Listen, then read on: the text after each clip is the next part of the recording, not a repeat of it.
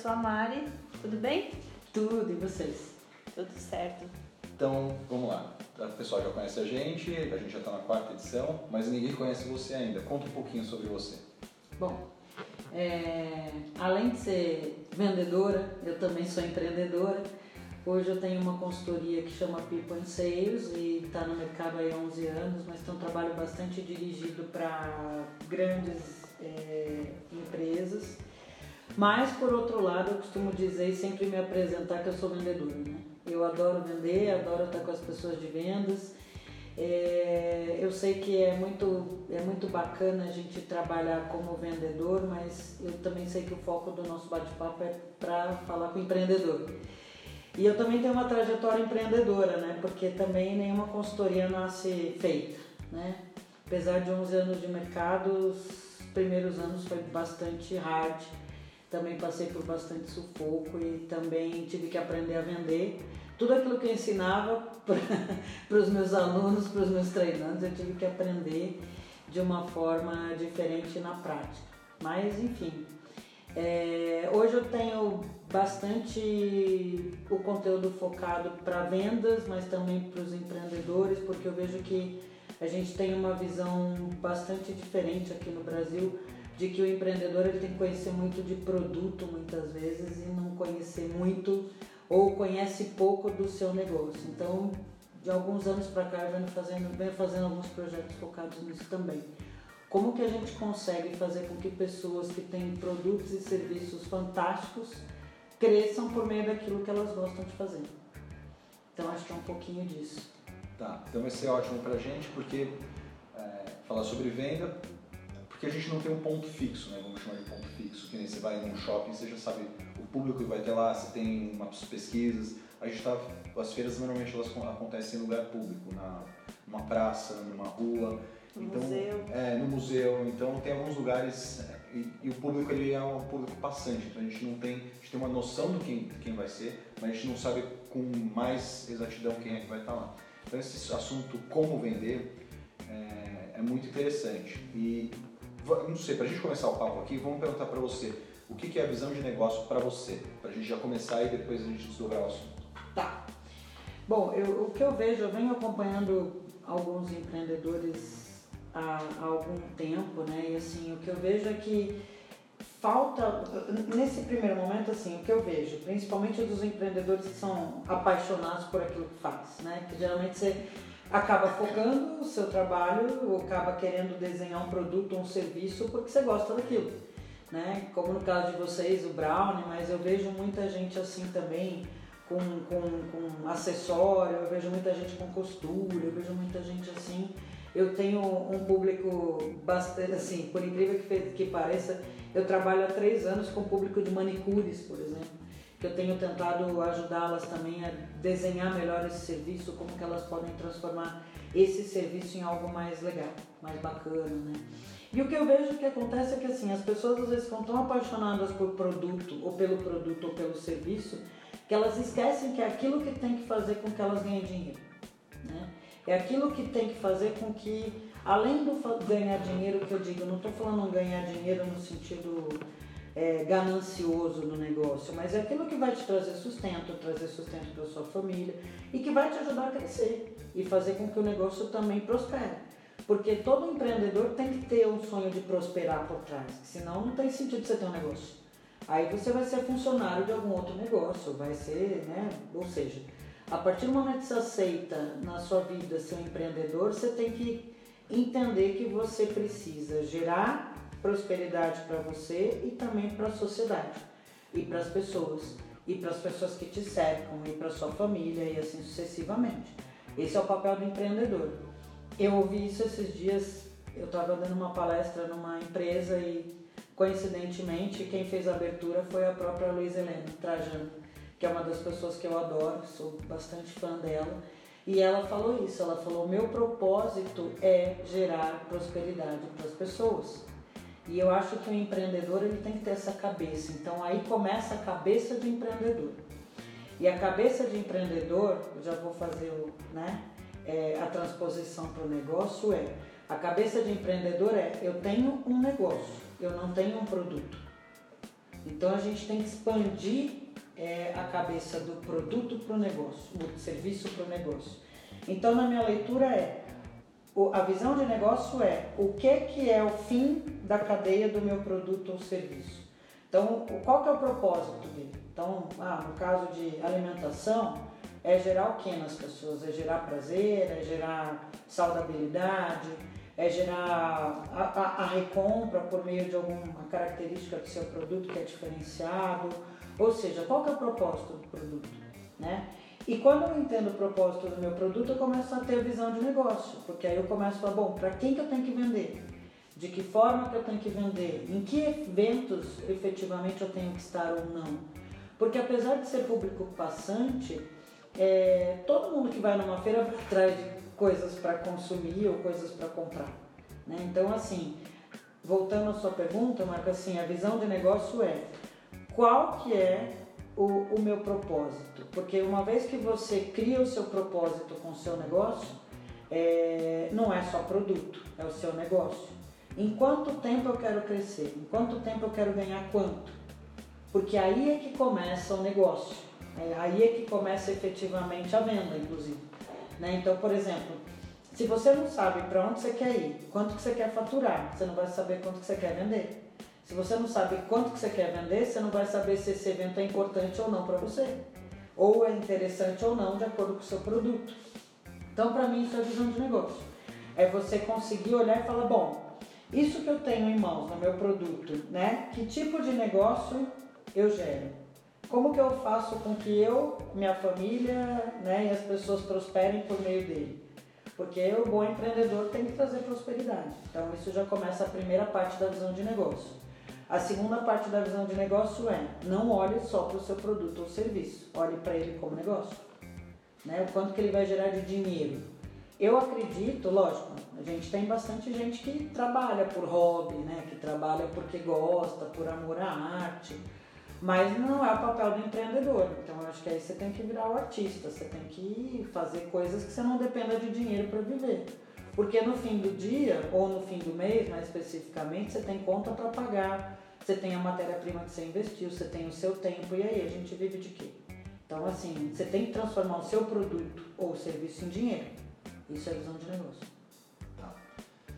Bacana. Isso que você falou de não ver mais o produto ou serviço ou ver além dele, isso é muito interessante, porque normalmente quando o empreendedor começa, ele foca muito no que ele tem na frente dele e não no que no que no, no futuro daquilo, da empresa. Então isso é muito bacana.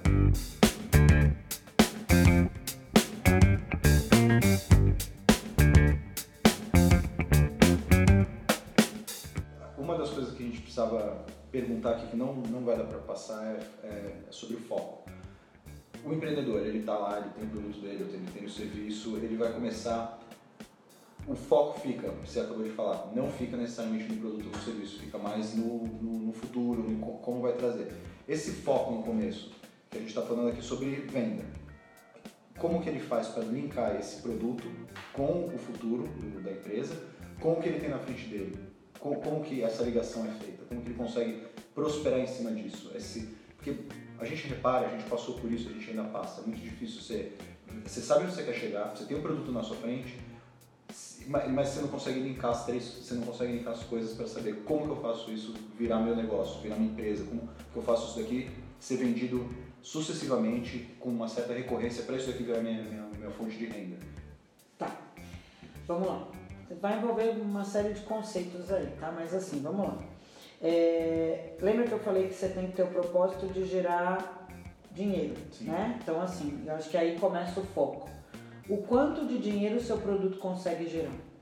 Então assim, se eu vendo um produto X, né, a 5 reais, vamos supor, e esse produto X a 5 reais, eu sei que o volume que eu posso vender dele, sei lá, são tantas unidades, eu começo a criar um negócio que a gente chama de faturamento.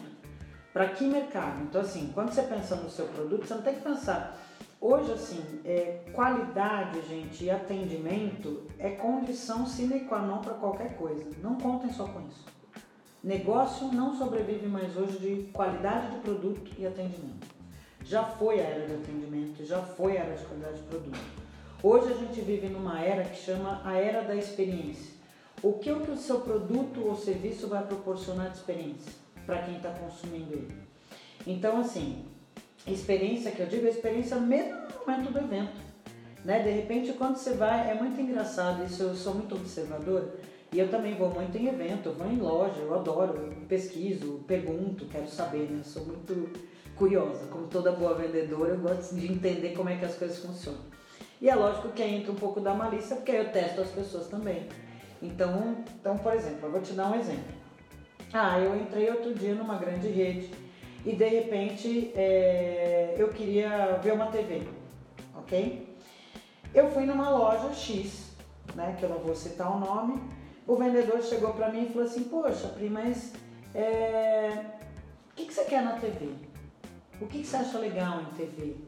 Aonde você vai pôr a TV? Você quer colocar a TV aonde? Na sala, no quarto, numa área externa? O que, que você precisa de TV? Aí comecei a conversar com o vendedor. Óbvio que eu nunca falo que eu sou vendedor, né? Aí ele falou assim, poxa, é só pra gente entender, porque o tamanho da TV tem a ver com o espaço que você tem. Você se incomoda de falar o tamanho da sala? Não, não me incomoda. Ah, minha sala é de tanto por tanto. Tá. E o que, que você gosta de sentir na TV? Você gosta mais da imagem? Você gosta mais de som? E eu comecei a conversar com o vendedor, né? Ou seja, o vendedor naquele momento de experiência, ele estava me proporcionando um atendimento diferenciado, já. Porque ele estava tentando entender o que atendia a minha necessidade. Então, experiência. Saí daquela loja, tal, enfim, não comprei a TV e tal, fui para a loja online, uma outra rede varejista. Cheguei na, na vendedora, Aí eu comecei a tentar, eu estava procurando o código da TV no meu telefone, porque eu não lembrava, era um código gigantesco, né? Essas coisas de tecnologia, enfim. E aí eu estava procurando, aí eu encostei na vendedora, estava olhando para o celular, ela virou e falou assim para mim, Ih, mas se você for procurar o preço da internet com o preço de loja, eu vou te dizer que eu não consigo bater. Olha para o consumidor e pergunta, qual dos dois vendedores me proporcionou a melhor experiência? Teoricamente eu ia comprar uma TV mas são coisas diferentes. E por que, que eu estou contando toda essa historinha? Porque isso tudo tem a ver com o propósito do seu negócio. Por isso que eu falo que não dá para olhar só para o produto. Porque você pode ter o melhor produto do mundo, com a melhor qualidade do mundo e até ter o melhor atendimento do mundo, mas onde você quer chegar? Você só vai chegar em algo diferente se o seu negócio é, proporcionar para as pessoas algo diferente. Então esse é o primeiro ponto eu olhar para o propósito do meu negócio e tentar entender como que eu vou gerar dinheiro fazendo algo diferente. E por que algo diferente? Porque qualidade e atendimento já não é mais diferenciação hoje no mercado. Legal. Como que eu faço algo diferente? Conhecendo meu cliente. Como que eu conheço o meu cliente? Eu pergunto. Quando eu conheço o que o meu cliente quer, eu, eu e aí entra um principal conceito que eu sempre levo é eu consigo entender o que para ele tem valor. E o que, que para ele tem valor? Pô, então eu vou fazer um produto diferente para cada cliente? Não, muito pelo contrário, você vai pegar o seu produto e vai adequar o seu discurso na hora do atendimento para cada tipo de cliente.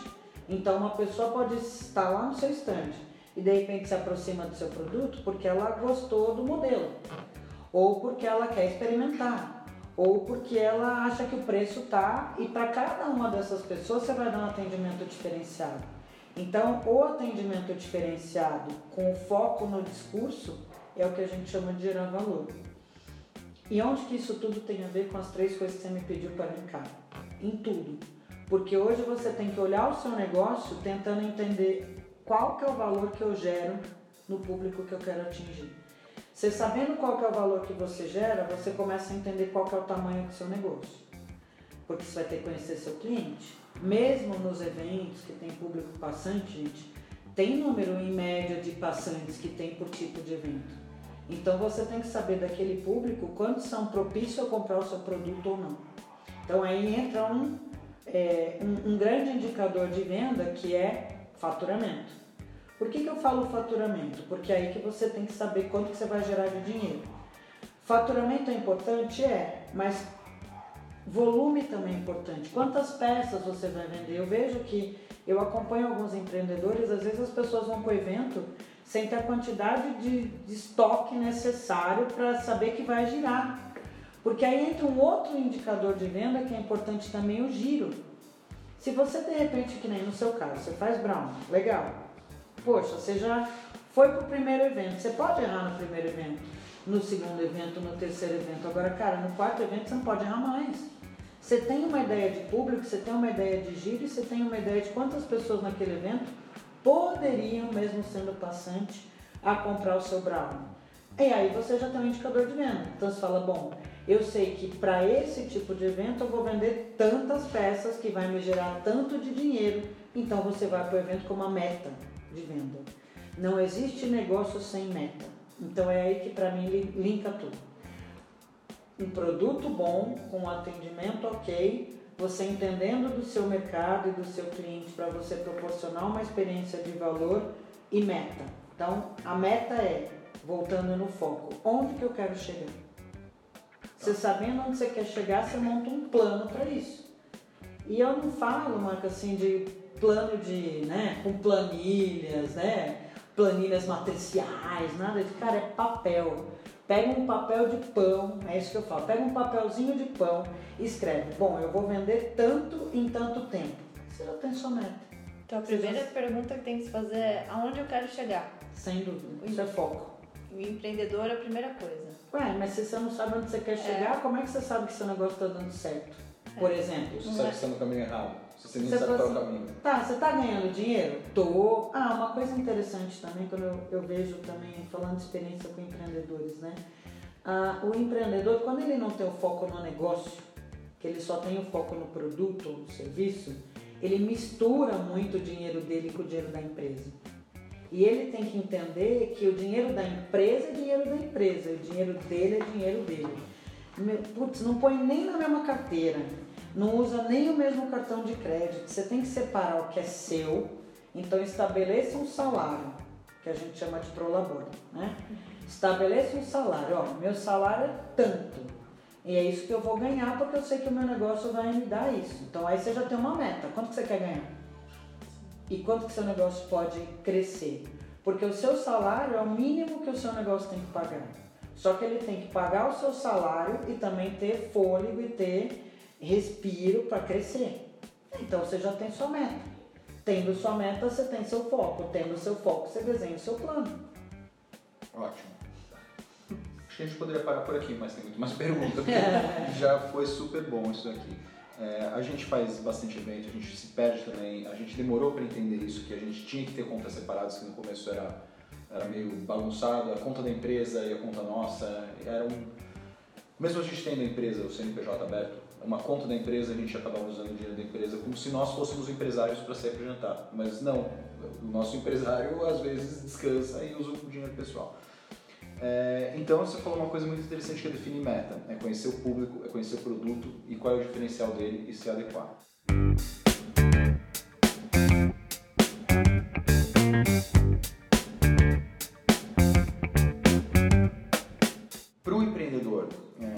Começando, às vezes não teve a experiência, só tem experiência como consumidor, não tem experiência como, como vendedor. É, o que, que, você acha que tem disponível hoje de ferramenta que poderia ajudar ele? Quando eu digo ferramenta, não é um aplicativo ou alguma palestra, é como, como que ele consegue é, entender? Ele tem que fazer algum tipo de teste, ele tem que escrever o que, que o produto dele tem de diferencial, ele tem que pesquisar, ah, vou fazer uma feira em Pinheiros, quem é esse público de Pinheiros? Como, o que você daria de dica para esse, esse empreendedor para entender o, o, produto dele ou o serviço, o, o, consumidor dele e como ele fazer esse primeiro, esse primeiro contato? Porque às vezes tem essa dificuldade, primeira, segunda, terceira feira, tem o nervosismo, tem o medo de errar e tem a parte do não conheço como fazer isso. Como, o que você acha que tem de ferramenta hoje disponível para isso? Tá.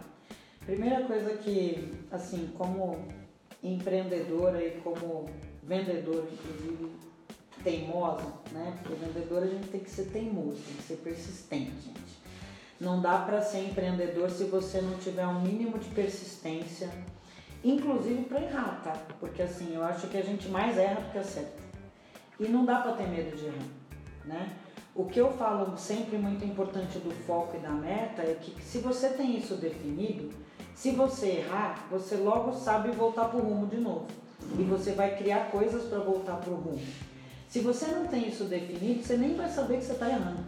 é, quando a conta está no vermelho, já é um sinal de que realmente você não está com um negócio saudável.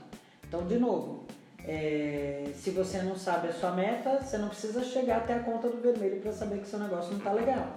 Então, é muito importante nesse momento é, você entender o seu negócio. Por isso que eu falo que você tem que entender qual que é seu foco. Entender o seu negócio não é olhar para o produto, mas é olhar para onde que ele vai, quem que compra, né? De que forma que você comercializa, porque e como você consegue fazer isso, né? Às vezes assim, tem, tem muita coisa na internet, gente. Hoje a, a tecnologia traz muita coisa bacana pra gente de fonte, de, de livro.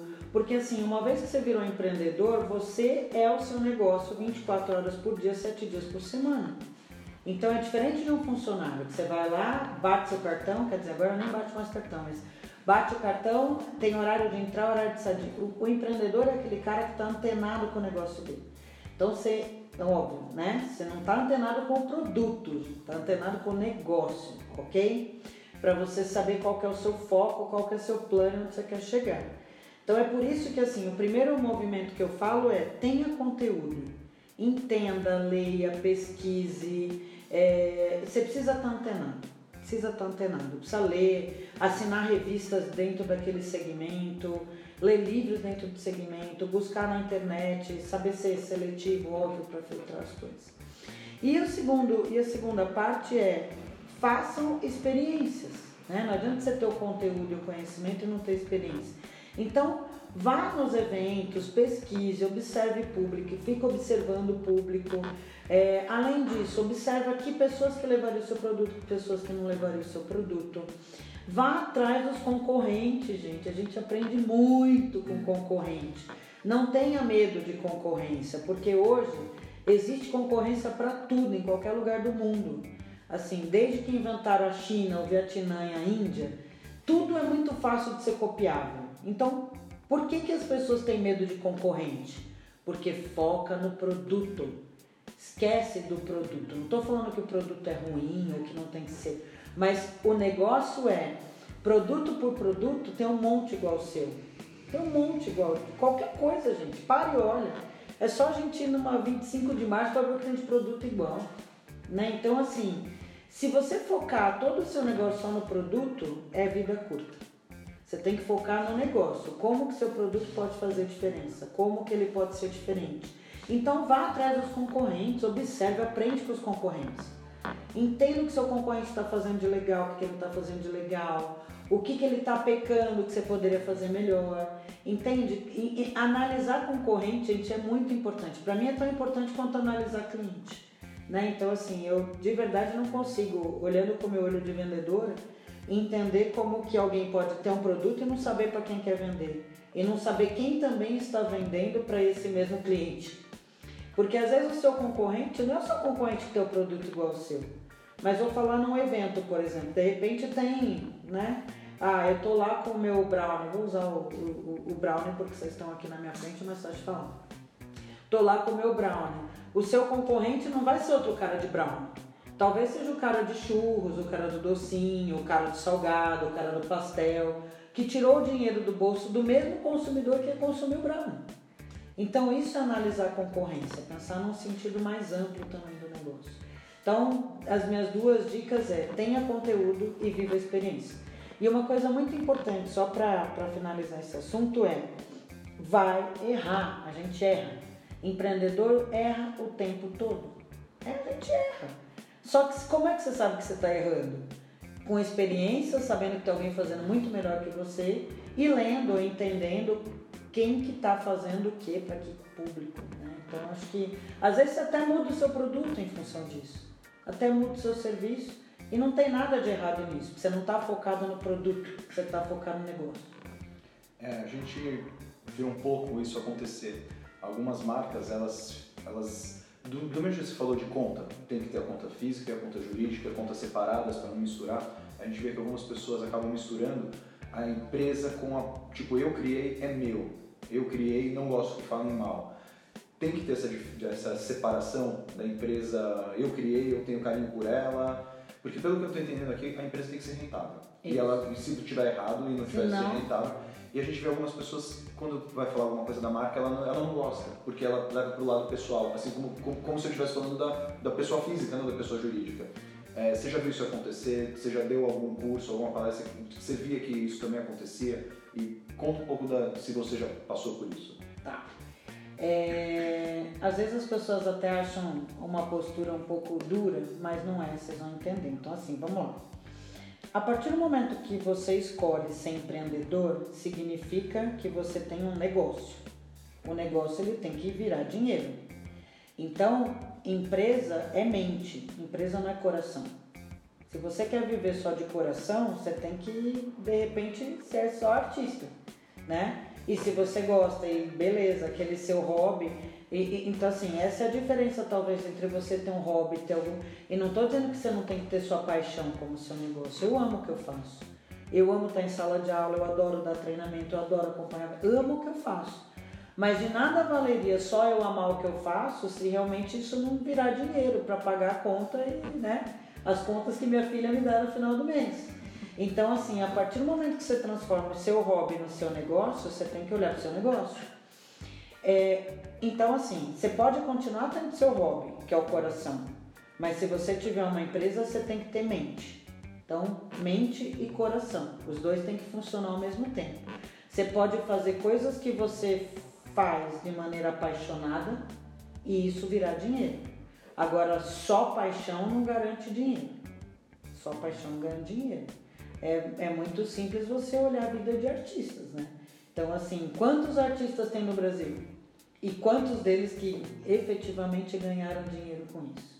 Então, a partir do momento que você vira empreendedor, e eu até entendo que a gente tem muitos empreendedores que vêm dessa área criativa, é, então a gente tem que dividir bem o que, é paixão e o que, que é negócio. Eu acho que o nosso papo aqui, e eu, eu, a ideia é falar para empreendedores, são pessoas que querem fazer o seu, a sua paixão virar dinheiro. Então, quando você olha para o dinheiro, você não pode ter esse apego de, ah, é meu. Não, vai ter sempre gente fazendo melhor que você. E vai ter sempre gente fazendo pior que você. Agora, onde você quer se posicionar? O que, que você vai entregar para o seu cliente? Né? Então, isso é importante. A paixão você pode guardar para você e, e, e aplicar essa paixão no negócio. Entendeu? Tá. É porque a gente vê às vezes isso acontecer e, e tem gente, a gente aceita super. Porque crítica, infelizmente, vai acontecer, a gente vai errar. ah, De dentro é muito difícil a gente ver algumas coisas, de fora é mais fácil as pessoas apontarem. E algumas coisas a gente entende, algumas coisas a gente não entende, algumas coisas a gente releva. E é assim que a gente aprende com os nossos erros, né? A ideia é errar erros novos. A gente fala que a gente quer errar erros novos. Se a gente estiver errando os mesmos erros é porque a gente tá, ou a gente tá muito birrento, ou a gente é cabeça fechada demais.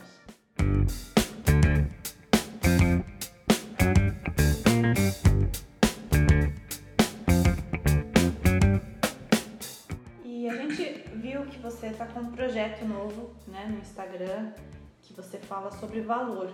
O que, que é o valor? Se você puder explicar pra gente um pouco. Então, é...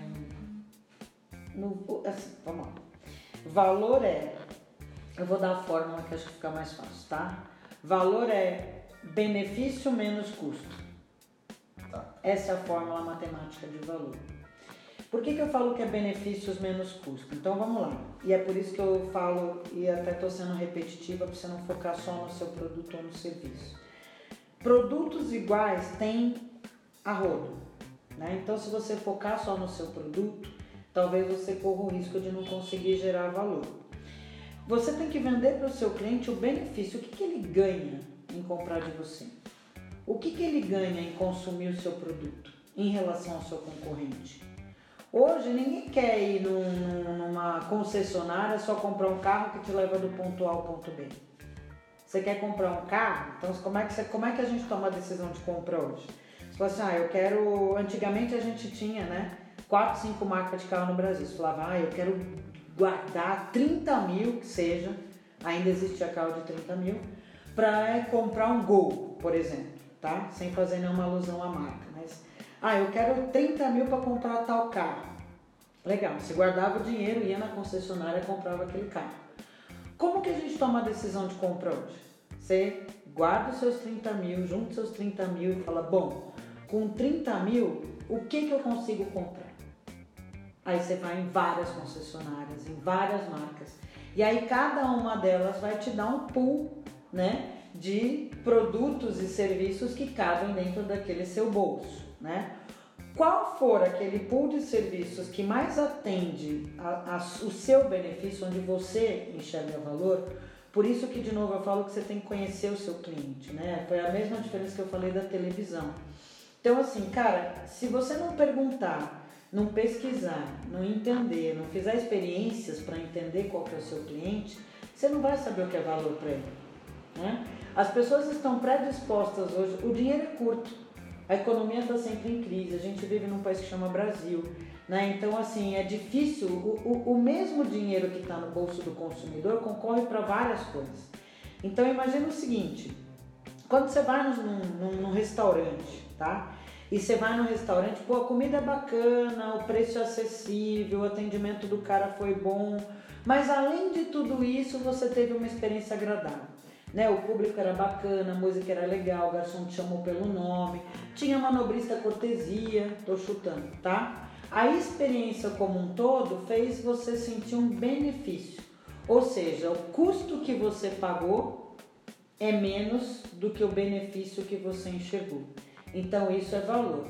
Vamos fazer o contraponto disso, né? O contraponto disso é: você vai num super restaurante, pagou um preço caro, né?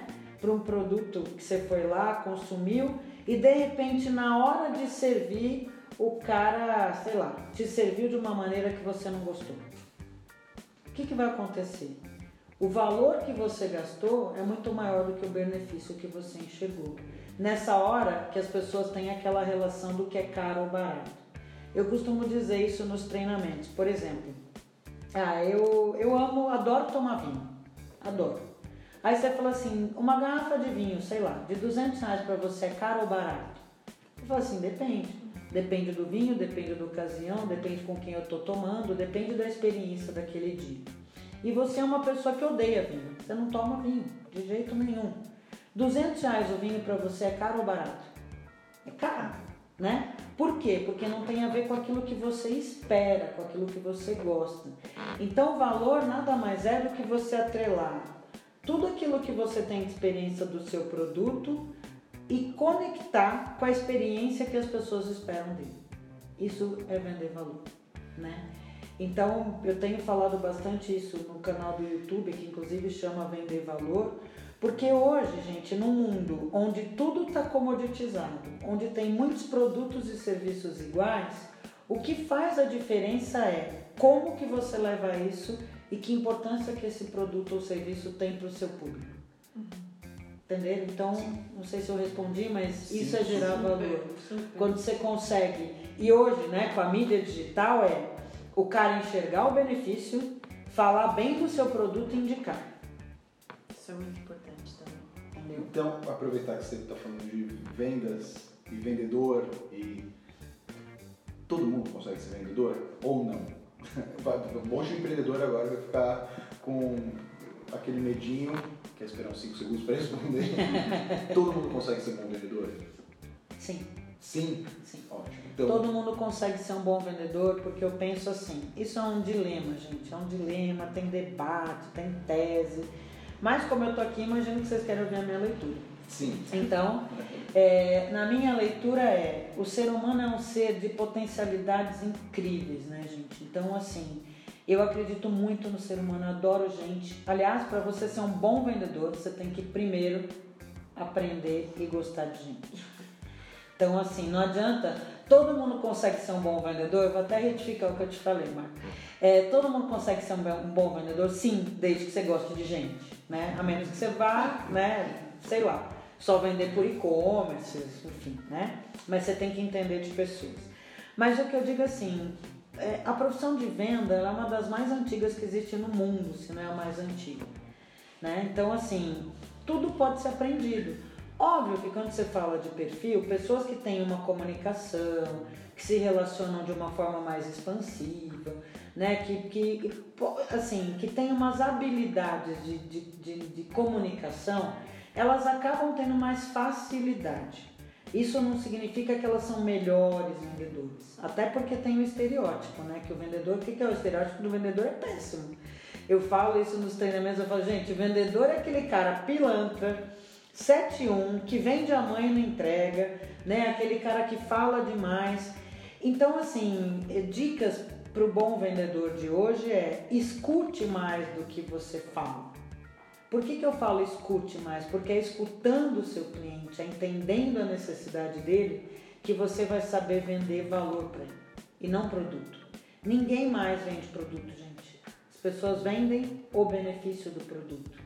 Porque eu sei, vamos supor que você é o cara que chegou lá no meu stand e tem, né, tem, tem uma necessidade A e de repente ela chegou no meu stand e tem uma necessidade B, o produto do, do meu stand é o mesmo. Só que eu vou vender para você de uma forma que eu vendi para ele. Então, isso é vender valor. Eu atrelar o meu discurso de vendas à necessidade, à experiência do meu cliente. Então, assim, todo mundo pode ser vendedor? Todo mundo pode ser vendedor, sim. Vendas é uma profissão que se estuda, vendas é uma profissão que você desenvolve. É lógico que se você tem mais habilidade de comunicação, você vai ter mais facilidade, mas todo mundo pode aprender. Acho que pode aprender sim, e tem excelentes vendedores. Tem áreas que o vendedor nem fala muito, que são os vendedores mais técnicos, é, ou vendedores de bens de valor agregado. Você tem vendedor de arte, de jatinho, né? E o cara não pode falar muito, ele tem que perguntar mesmo, mas. Então, a, a primeira dica que eu dou é, cara, estude. Dá para se estudar sim é, a profissão de vendas. É, e de novo, né? Não olha só para o produto, porque se você só olhar para o produto, você não vai conseguir vender, porque o produto pode ser bom para você. Mas o produto bom para você, gente, assim, não tem Harry Potter que você vai comprar toda a sua produção, você vai ter que vender. Visto que você vai ter que vender, você vai ter que falar o que o seu cliente precisa ouvir, ou quer ouvir, ou gosta de ouvir, entendeu? Tá. E no seu canal você fala um pouquinho sobre isso, sobre abordagem, sobre o contato com, com, com o cliente. Você pode dar uma brechinha aqui sobre isso? A gente também não quer roubar o seu, não. seu canal. Não, quer, não mas ele está sendo construído. O canal é um canal muito novo. Acho que a gente está na quarta aula no canal e eu estou falando sobre abordagem, porque geralmente é onde as pessoas, principalmente as que têm menos experiência em vendas, mais sofrem. Porque tem pessoas mais tímidas, tem pessoas mais introspectivas e as pessoas às vezes têm medo de abordar mas efetivamente, para quem seguiu o canal, eu vou falar de todos os passos da visita de vendas ou do atendimento de vendas. Então, eu vou falar da abordagem, da sondagem, vou falar um pouquinho de como lidar com objeções, vou falar de como você transforma o, o argumento de venda em benefício. Então, eu vou falar de todos os passos é, no canal, mas efetivamente eu estou falando sobre abordagem, porque imagina abordagem é os primeiros, é, só para vocês terem uma ideia, né, aí de estudos, enfim, que eu, que eu leio bastante sobre tudo isso, é, as pessoas têm 30 segundos para criar uma boa impressão nas outras. Nesses 30 segundos, por isso que a gente fala coisas importantes, né, falando especificamente do momento da abordagem. Cara, depende do produto que você vende, você tem que estar tá vestido de acordo com ele. Você tem que estar tá com uma aparência bacana. Imagina, por exemplo, no caso de vocês que vocês vendem alimentação ou pessoas que vendem alimentação. Cara, você compra alimentação de alguém que está com a roupa suja? De alguém que está sujo? De alguém que está fedido? Não compra. Então, assim, o que, que você quer vender? E principalmente vocês que vão para feiras, qual que é a imagem que você quer passar? Você, como empreendedor que está lá expondo o seu produto, você tem que estar tá extremamente adequado à sua proposta de valor. Então, se você vai vender um produto de maior valor agregado, um produto um pouco mais caro, pô, não adianta ser com uma roupa qualquer, de chinelo, né? Porque você não vai vender, cara. Porque o cara vai olhar para você e falar, pô, você tá querendo que eu pague isso no seu produto, né? Qual que é o valor que você tem nisso? As pessoas podem até falar assim, ah, mas a aparência é tudo. Não, aparência não é tudo, mas ajuda a vender. É a mesma coisa que eu falo para os vendedores, pô, você vai para um evento, sabe? com a barba mal feita, com o cabelo sujo, ou eu atendo muitas empresas de maquiagem, por exemplo. Você vai para um evento de maquiagem sem estar maquiado, né? Assim, não tem nexo, porque a proposta de valor está em vocês. Imagine vocês que vão para eventos, que vocês são a, o cartão de visita, né? Do produto de vocês. Imagina se você fosse visitar um dentista e o cara tá com os dentes tudo podre. Você ia ficar? Né? Então, assim, você faz parte da proposta de valor do seu produto. Então, a abordagem é onde o cérebro da outra pessoa, e por incrível que pareça, clientes são pessoas, tá, gente? E tem cérebro. Às vezes alguns não parecem, mas tem, né? Então tem um outro cérebro lá, nesses 30 segundos é onde o cérebro do outro mede e compete com o seu cérebro. Isso é né, um pouco baseado na neurociência. Então, assim, é, é onde você olha e fala assim, hum, ah, gostei, ah, gostei. Então tem a coisa da, né, da simpatia ou da antipatia, porque antes dele mandar os sinais para o seu cérebro, ele compra a sua imagem. Então o comprar a sua imagem tem a ver com a proposta de valor. Então, se você, por exemplo, é mais tímido e, e tem dificuldade de abordar, você tem que ter um, um, discurso um pouco de mais segurança, porque você está lá representando seu produto. Se você mesmo está titubeando naquilo que você vai apresentar de proposta, você não dá confiança para o cliente. O cliente gosta de segurança. Ó, oh, meu produto é assim, eu faço assado, o processo é X. Poxa, que bacana, se adequa à sua experiência Y. Então você tem que contar uma história para o cliente. E história verdadeira, tá, gente? Pelo amor de Deus. Não mintam para o cliente. Nunca mintam para o cliente. Eu parto do princípio que a gente nunca pode mentir para o outro, mas lógico que às vezes no mundo de negócios você tem coisas que você pode falar e coisas que você não pode falar, não significa que você vai mentir. Agora, se você falar que a sua proposta de valor é do produto fazer tal coisa, ele tem que fazer. Porque é isso que gera fidelidade, é isso que gera recompra, é isso que gera confiança na marca. As pessoas se conectam com marcas como elas se conectam com pessoas. Existe uma tendência mundial de personificação de marcas. Eu enxergo a marca como uma pessoa. Por isso que a imagem é importante nesse momento da abordagem. Então a experiência, quando se fala em experiência, não é só do produto, não é só da história, não é só incluir a apresentação, a apresentação da pessoa, o discurso da pessoa, o como ela está segura em vender o produto. A experiência é muito além do que só um, um, um, uma apresentação do produto. Claro. Inclui a imagem do produto, o que você leva, o, o, o residual disso, dessa. dessa pode nem, nem ter a compra. Mas o residual fica, a pessoa Como fala. Como se apresenta, né? Qual é a experiência? Então, se está numa embalagem bacana, se você tem um, ah, sei lá, de repente você tem uma história, um artigo que fala daquele tipo de produto ou daquele tipo de segmento que você está vendendo, por exemplo, tem muitas, muitas, muitos empreendedores ou pequenos empreendedores que a gente vê bastante em feiras, eventos que trabalham com beleza. Mostra como o mercado de beleza é importante, como as pessoas vêm se cuidando. Isso se aplica também a alimento, a saudabilidade, o que, que você está atrelando, né? A pessoas saudáveis, hábitos saudáveis, qualidade de vida. Então isso tudo faz parte da apresentação de gerar experiência, né? Poxa, se de repente vocês vão para feiras e eventos, manda um cartãozinho, pega o nome da pessoa, fala, olha, nós não participamos mais só dessa feira, nós participamos de vários eventos. Você não quer ficar no meu mailing? Pega um contato da pessoa, que isso a gente chama, o nome técnico é de vai, lead, né? Na mídia digital é o lead, assim. Tenta pegar um contato, faz um grupo no WhatsApp das pessoas que fazem a recompra do seu produto. Manda artigo para essas pessoas, manda notícia para essas pessoas fala quando tem lançamento. Não só que nessas coisas de loja, gente. Loja que pega o seu WhatsApp e fala, ah, posso fazer seu cadastro? Só fica mandando promoção. Ninguém gosta de ficar recebendo promoção.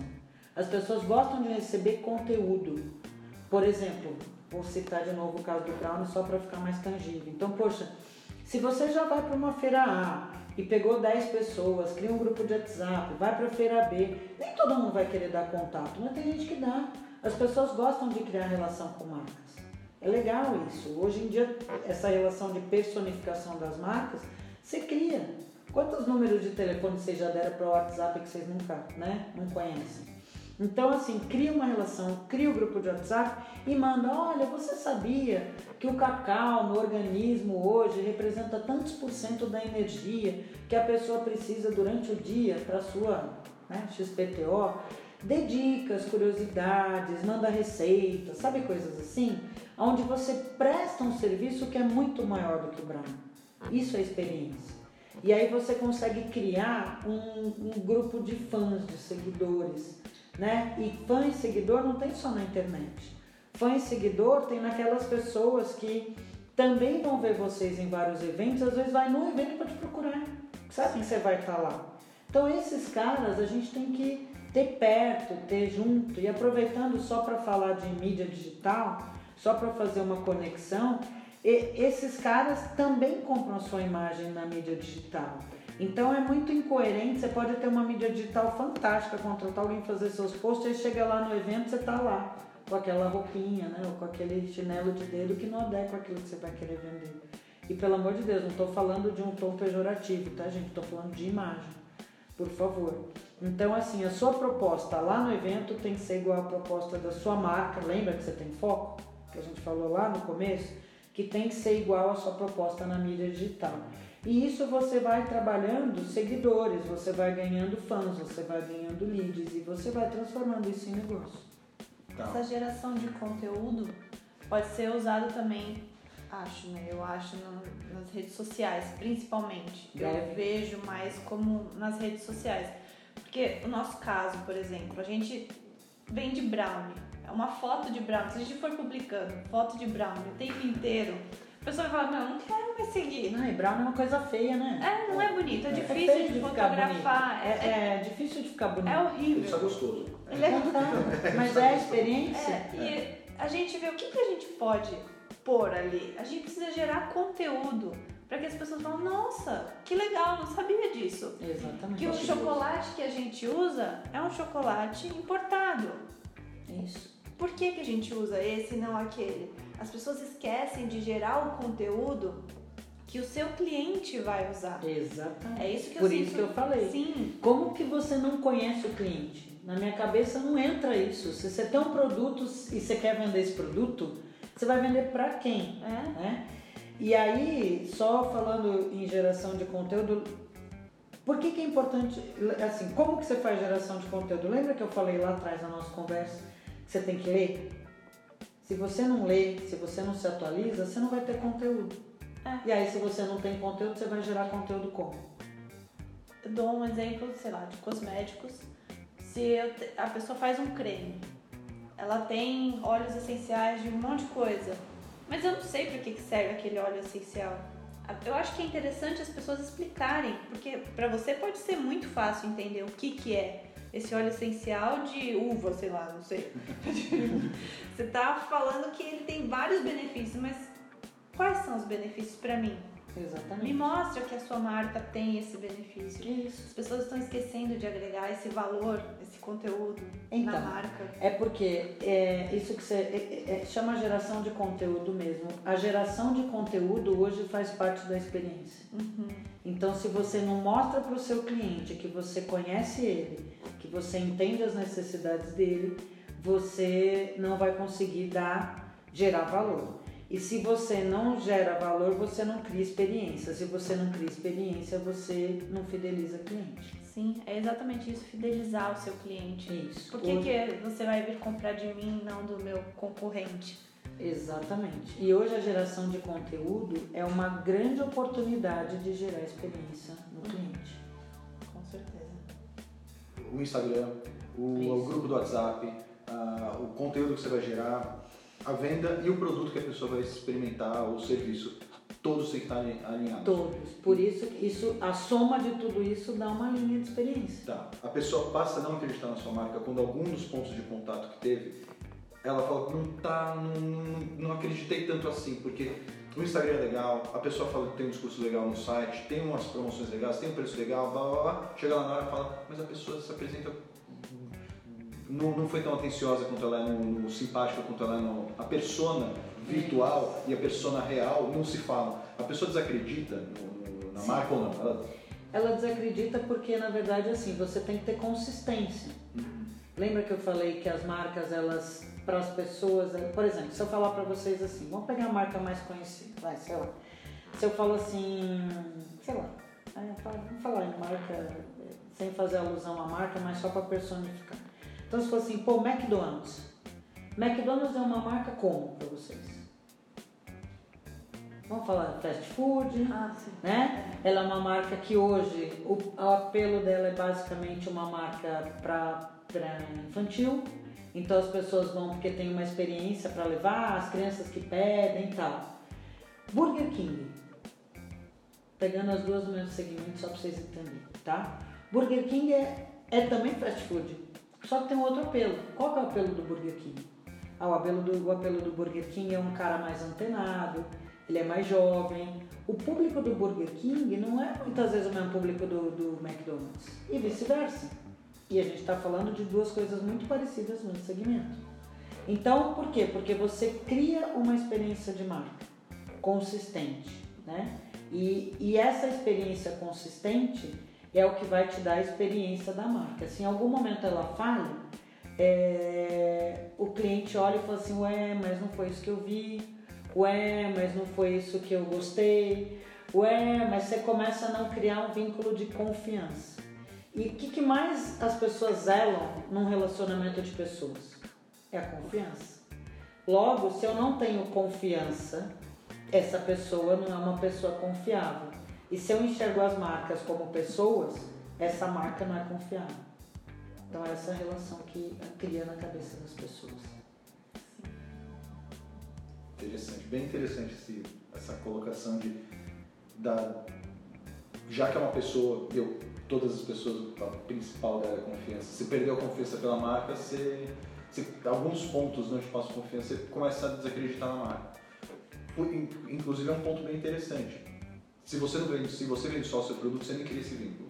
Quando você começa a vender seu produto, você, quando você começa a vender a sua marca como uma coisa mais completa, dá valor a ela e tudo, você tem que estar alinhado do começo ao fim.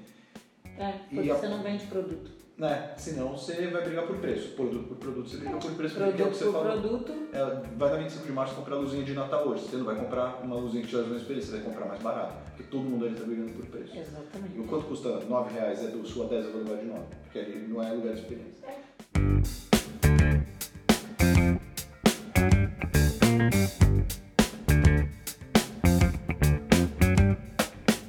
Você acha que vale a pena, como vendedor, trazer um pouco da, da, da bagagem que eu trago lá da cozinha, do, da história que tem o brownie, da receita, de onde veio, como veio, como ela nasceu? Ou não? É uma misturada que não- Tá. o consumidor vai ficar um pouco hum, perdido? O que, que seu cliente quer saber?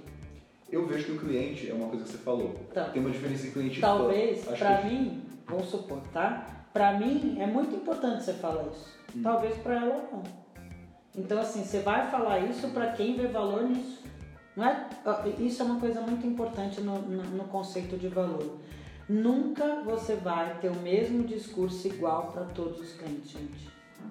Então, assim, se você começa a falar de produção e você entende que para aquele cliente é importante isso, porque lembra que você tem que mais ouvir, fazer perguntas, entender a necessidade do cliente. Se para aquele cliente X você está falando sobre a produção, ele te pergunta sobre a produção, você aprofunda o discurso de produção. Talvez para mim seja um porre entender de produção de brownie, eu só quero saber se o brownie é gostoso e se ele é saudável. Então você vai ver com um discurso de saudabilidade e gosto. Então, é, não, isso é o principal erro dos vendedores e, e, e hoje, atualmente, a gente está, eu estou num processo de realmente tentar reeducar muitos vendedores, até que eu já treinei há muito tempo atrás, mas que assim, nunca use o mesmo discurso e a mesma abordagem para todos os clientes o tempo todo. Porque isso você está comoditizando a sua venda. Então o seu produto virou commodity, porque tem um monte igual. E você comoditiza a sua venda, você faz tudo igual para todo mundo, o cliente não vai querer pagar porque ele vai achar que está caro. Aí é que entra balizador de preço na cabeça dele. Então, assim, vamos supor que para mim é importante saber da cozinha. Cara, aprofunda o discurso da cozinha, fala da cozinha, fala do processo. Poxa, se para ela for outro discurso, primeiro você tem que perguntar o que, que o cliente quer ouvir. O que, que para ele é importante. Sei lá, vamos usar o caso do brownie. Poxa, o que, por que, que você compra um brownie? O que, que você gosta num brownie? O que, que você mais aprecia? Quais as características que você acha que são bacanas? E deixa o cliente falar, pergunta, é um bate-bola de pergunta e resposta, não é um blá, que você fala tudo e aí o cliente fica lá que nem tonto esperando, porque o vendedor ele quer falar tudo igual para todos os clientes o tempo todo, né? Vou dar um exemplo rapidinho e bem, bem comum que acontece. Vocês viram o que aconteceu com aquele é, posso ajudar? Quando você entra numa loja no varejo e aí vem alguém lá, gruda no seu lado da vitrine e o cara vem e fala assim, posso ajudar? O que, que você responde? Tô só Só tô olhando. Então, as pessoas automatizam discursos de vendas. Por quê? Porque ele já automatizou o posso ajudar e você já automatizou o só tô dando uma olhadinha. Então, tudo aquilo que o cérebro da gente repete, ele automatiza. Se você for com o mesmo discurso o tempo todo para os mesmos clientes, você não vai ter percepção de valor. Então, fale para cada cliente o que para cada cliente seria importante ouvir. Isso é vender valor. Tá. Isso daí descobre com, com as experiências que você falou. Errando. Experiência, conteúdo, errando. Pergunta, pergunta para o cliente, gente. Não tenha medo de perguntar para o cliente. As pessoas gostam de participar dos negócios. As pessoas gostam de fazer parte dos negócios. De repente, encostou alguém lá no seu stand e falou assim: Poxa, que bacana, você gosta de brownie? Poxa, que legal. Vou, vou pegar o mesmo vendedor do Posso Ajudar e vou usar um exemplo melhorando um pouquinho do discurso, tá? Posso ajudar? Seu cérebro fala assim: Não, só tô dando uma olhadinha.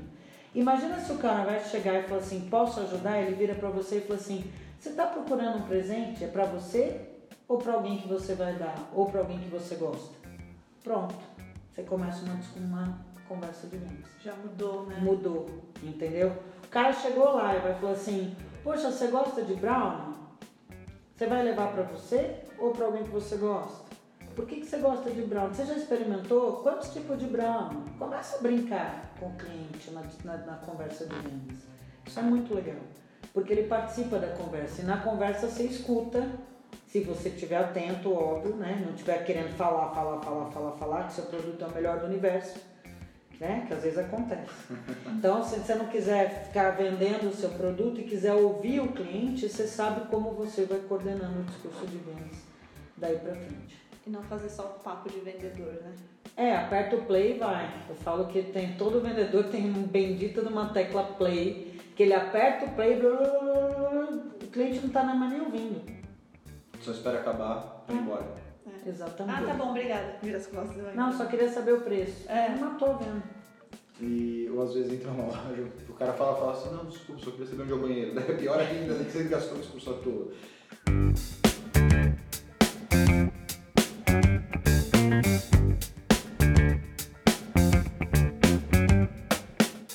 que é crucial para o seu cliente saber que o seu produto é melhor do que o dos outros? É fácil essa pergunta, fácil. É moleza, por isso que eu quis Não, deixar por você último. tá achando que eu sou Harry Potter, é isso? É, eu tô esperando vir aquela varinha. Entendi. É conhecer o produto.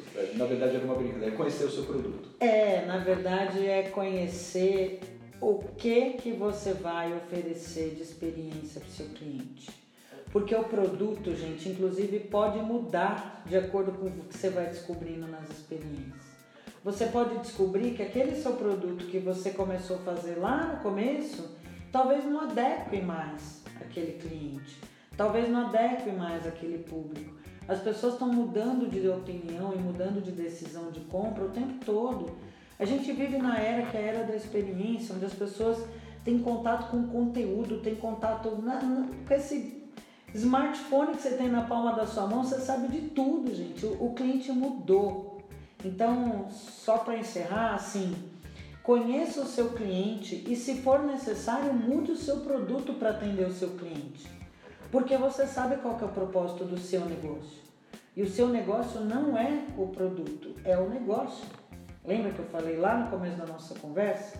Então, às vezes você vai chegar à conclusão de que você vai ter que mudar o produto e tudo bem. Porque o propósito não é o produto, o propósito é o negócio.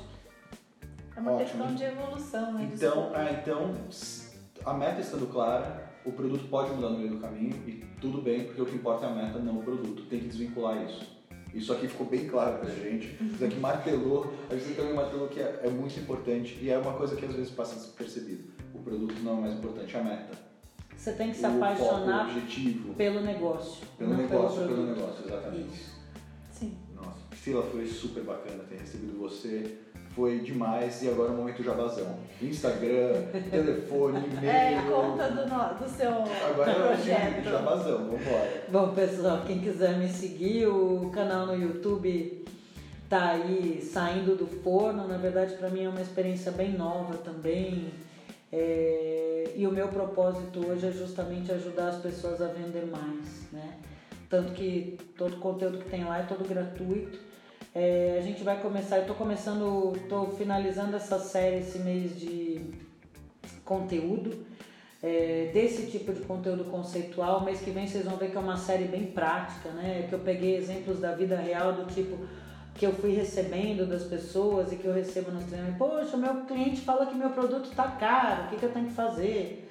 Ah, o meu cliente é muito grosso, quando eu vou, quando ele chega, né, o que, que eu tenho que fazer? Então, é uma série bastante prática. Essa plataforma de conhecimento da venda de valor ela é gratuita, então eu estou tentando. Eu acho que o Brasil, eu sou muito brasileira, sabe, gente? Eu acredito muito nesse país. Acredito que a gente tem uma forma de fazer negócio que é ímpar. Nós somos criativos, nós somos rápidos, nós conseguimos fazer tanta coisa nesse país que a gente podia ensinar tanto. Então eu sou muito otimista com relação ao Brasil. E eu quero muito que os empreendedores. O Brasil é um dos países que mais tem empreendedores no mundo, não sei se vocês sabem disso. Primeiro Mas é Unidos, né? espetacular a capacidade que a gente tem de empreender, mas de verdade, assim, não adianta você empreender e passar fome, né? Então, assim, você tem que empreender e aprender a ganhar dinheiro, porque se você não, se você tem dinheiro para sobreviver do seu hobby e não precisa de negócio, então você não precisa ser empreendedor, então vai fazer outra coisa, né? Agora, se você quer viver do seu hobby ganhando dinheiro, você tem que ter cabeça de empreendedor. Então, se vocês quiserem, me sigam aí nas redes sociais. O Venda de Valor tem o Instagram, tem o, é, o Facebook, tem o YouTube. A gente tem também. Meu nome, enfim, não sei se vai sair, mas Vai, mas é. Priscila Plaça. Se vocês quiserem me seguir também no Facebook, no LinkedIn. É, eu quero muito que vocês deem certo, que vocês vendam muito e que eu tenho certeza que 2019 vai ser um ano espetacular e que a gente vai conseguir reverter essa economia e as coisas vão realmente prosperar. Então acreditem no seu propósito, acreditem que o papel do empreendedor é gerar prosperidade e a gente vai conseguir construir um mundo melhor a partir disso. Boa. Super obrigado. Muito obrigada, E a Priscila. gente se vê agora no YouTube, no Instagram e no LinkedIn e todo mundo que está ouvindo a gente vai também seguir você, tenho certeza. Então, a gente acha venda de valor tanto no YouTube quanto no Instagram e no Facebook também. Isso. Tá ótimo. Então, pessoal, Bom, já e sabe. podem criticar, viu, gente? Que eu tô bem. Eu, eu, eu, eu, diferente de vocês, ou não, não tô julgando, mas assim, eu acho que um produto começa a dar certo quando você começa a ter crítica. Porque aí você sabe que tem um monte de gente diferente olhando. Então, podem criticar, podem falar, levar sugestão. Quer dúvida também, interaja e eu tento responder também. Vamos que vamos. Boa. Muito obrigado, Priscila. Obrigada. Obrigada. Obrigada a vocês aí pela oportunidade.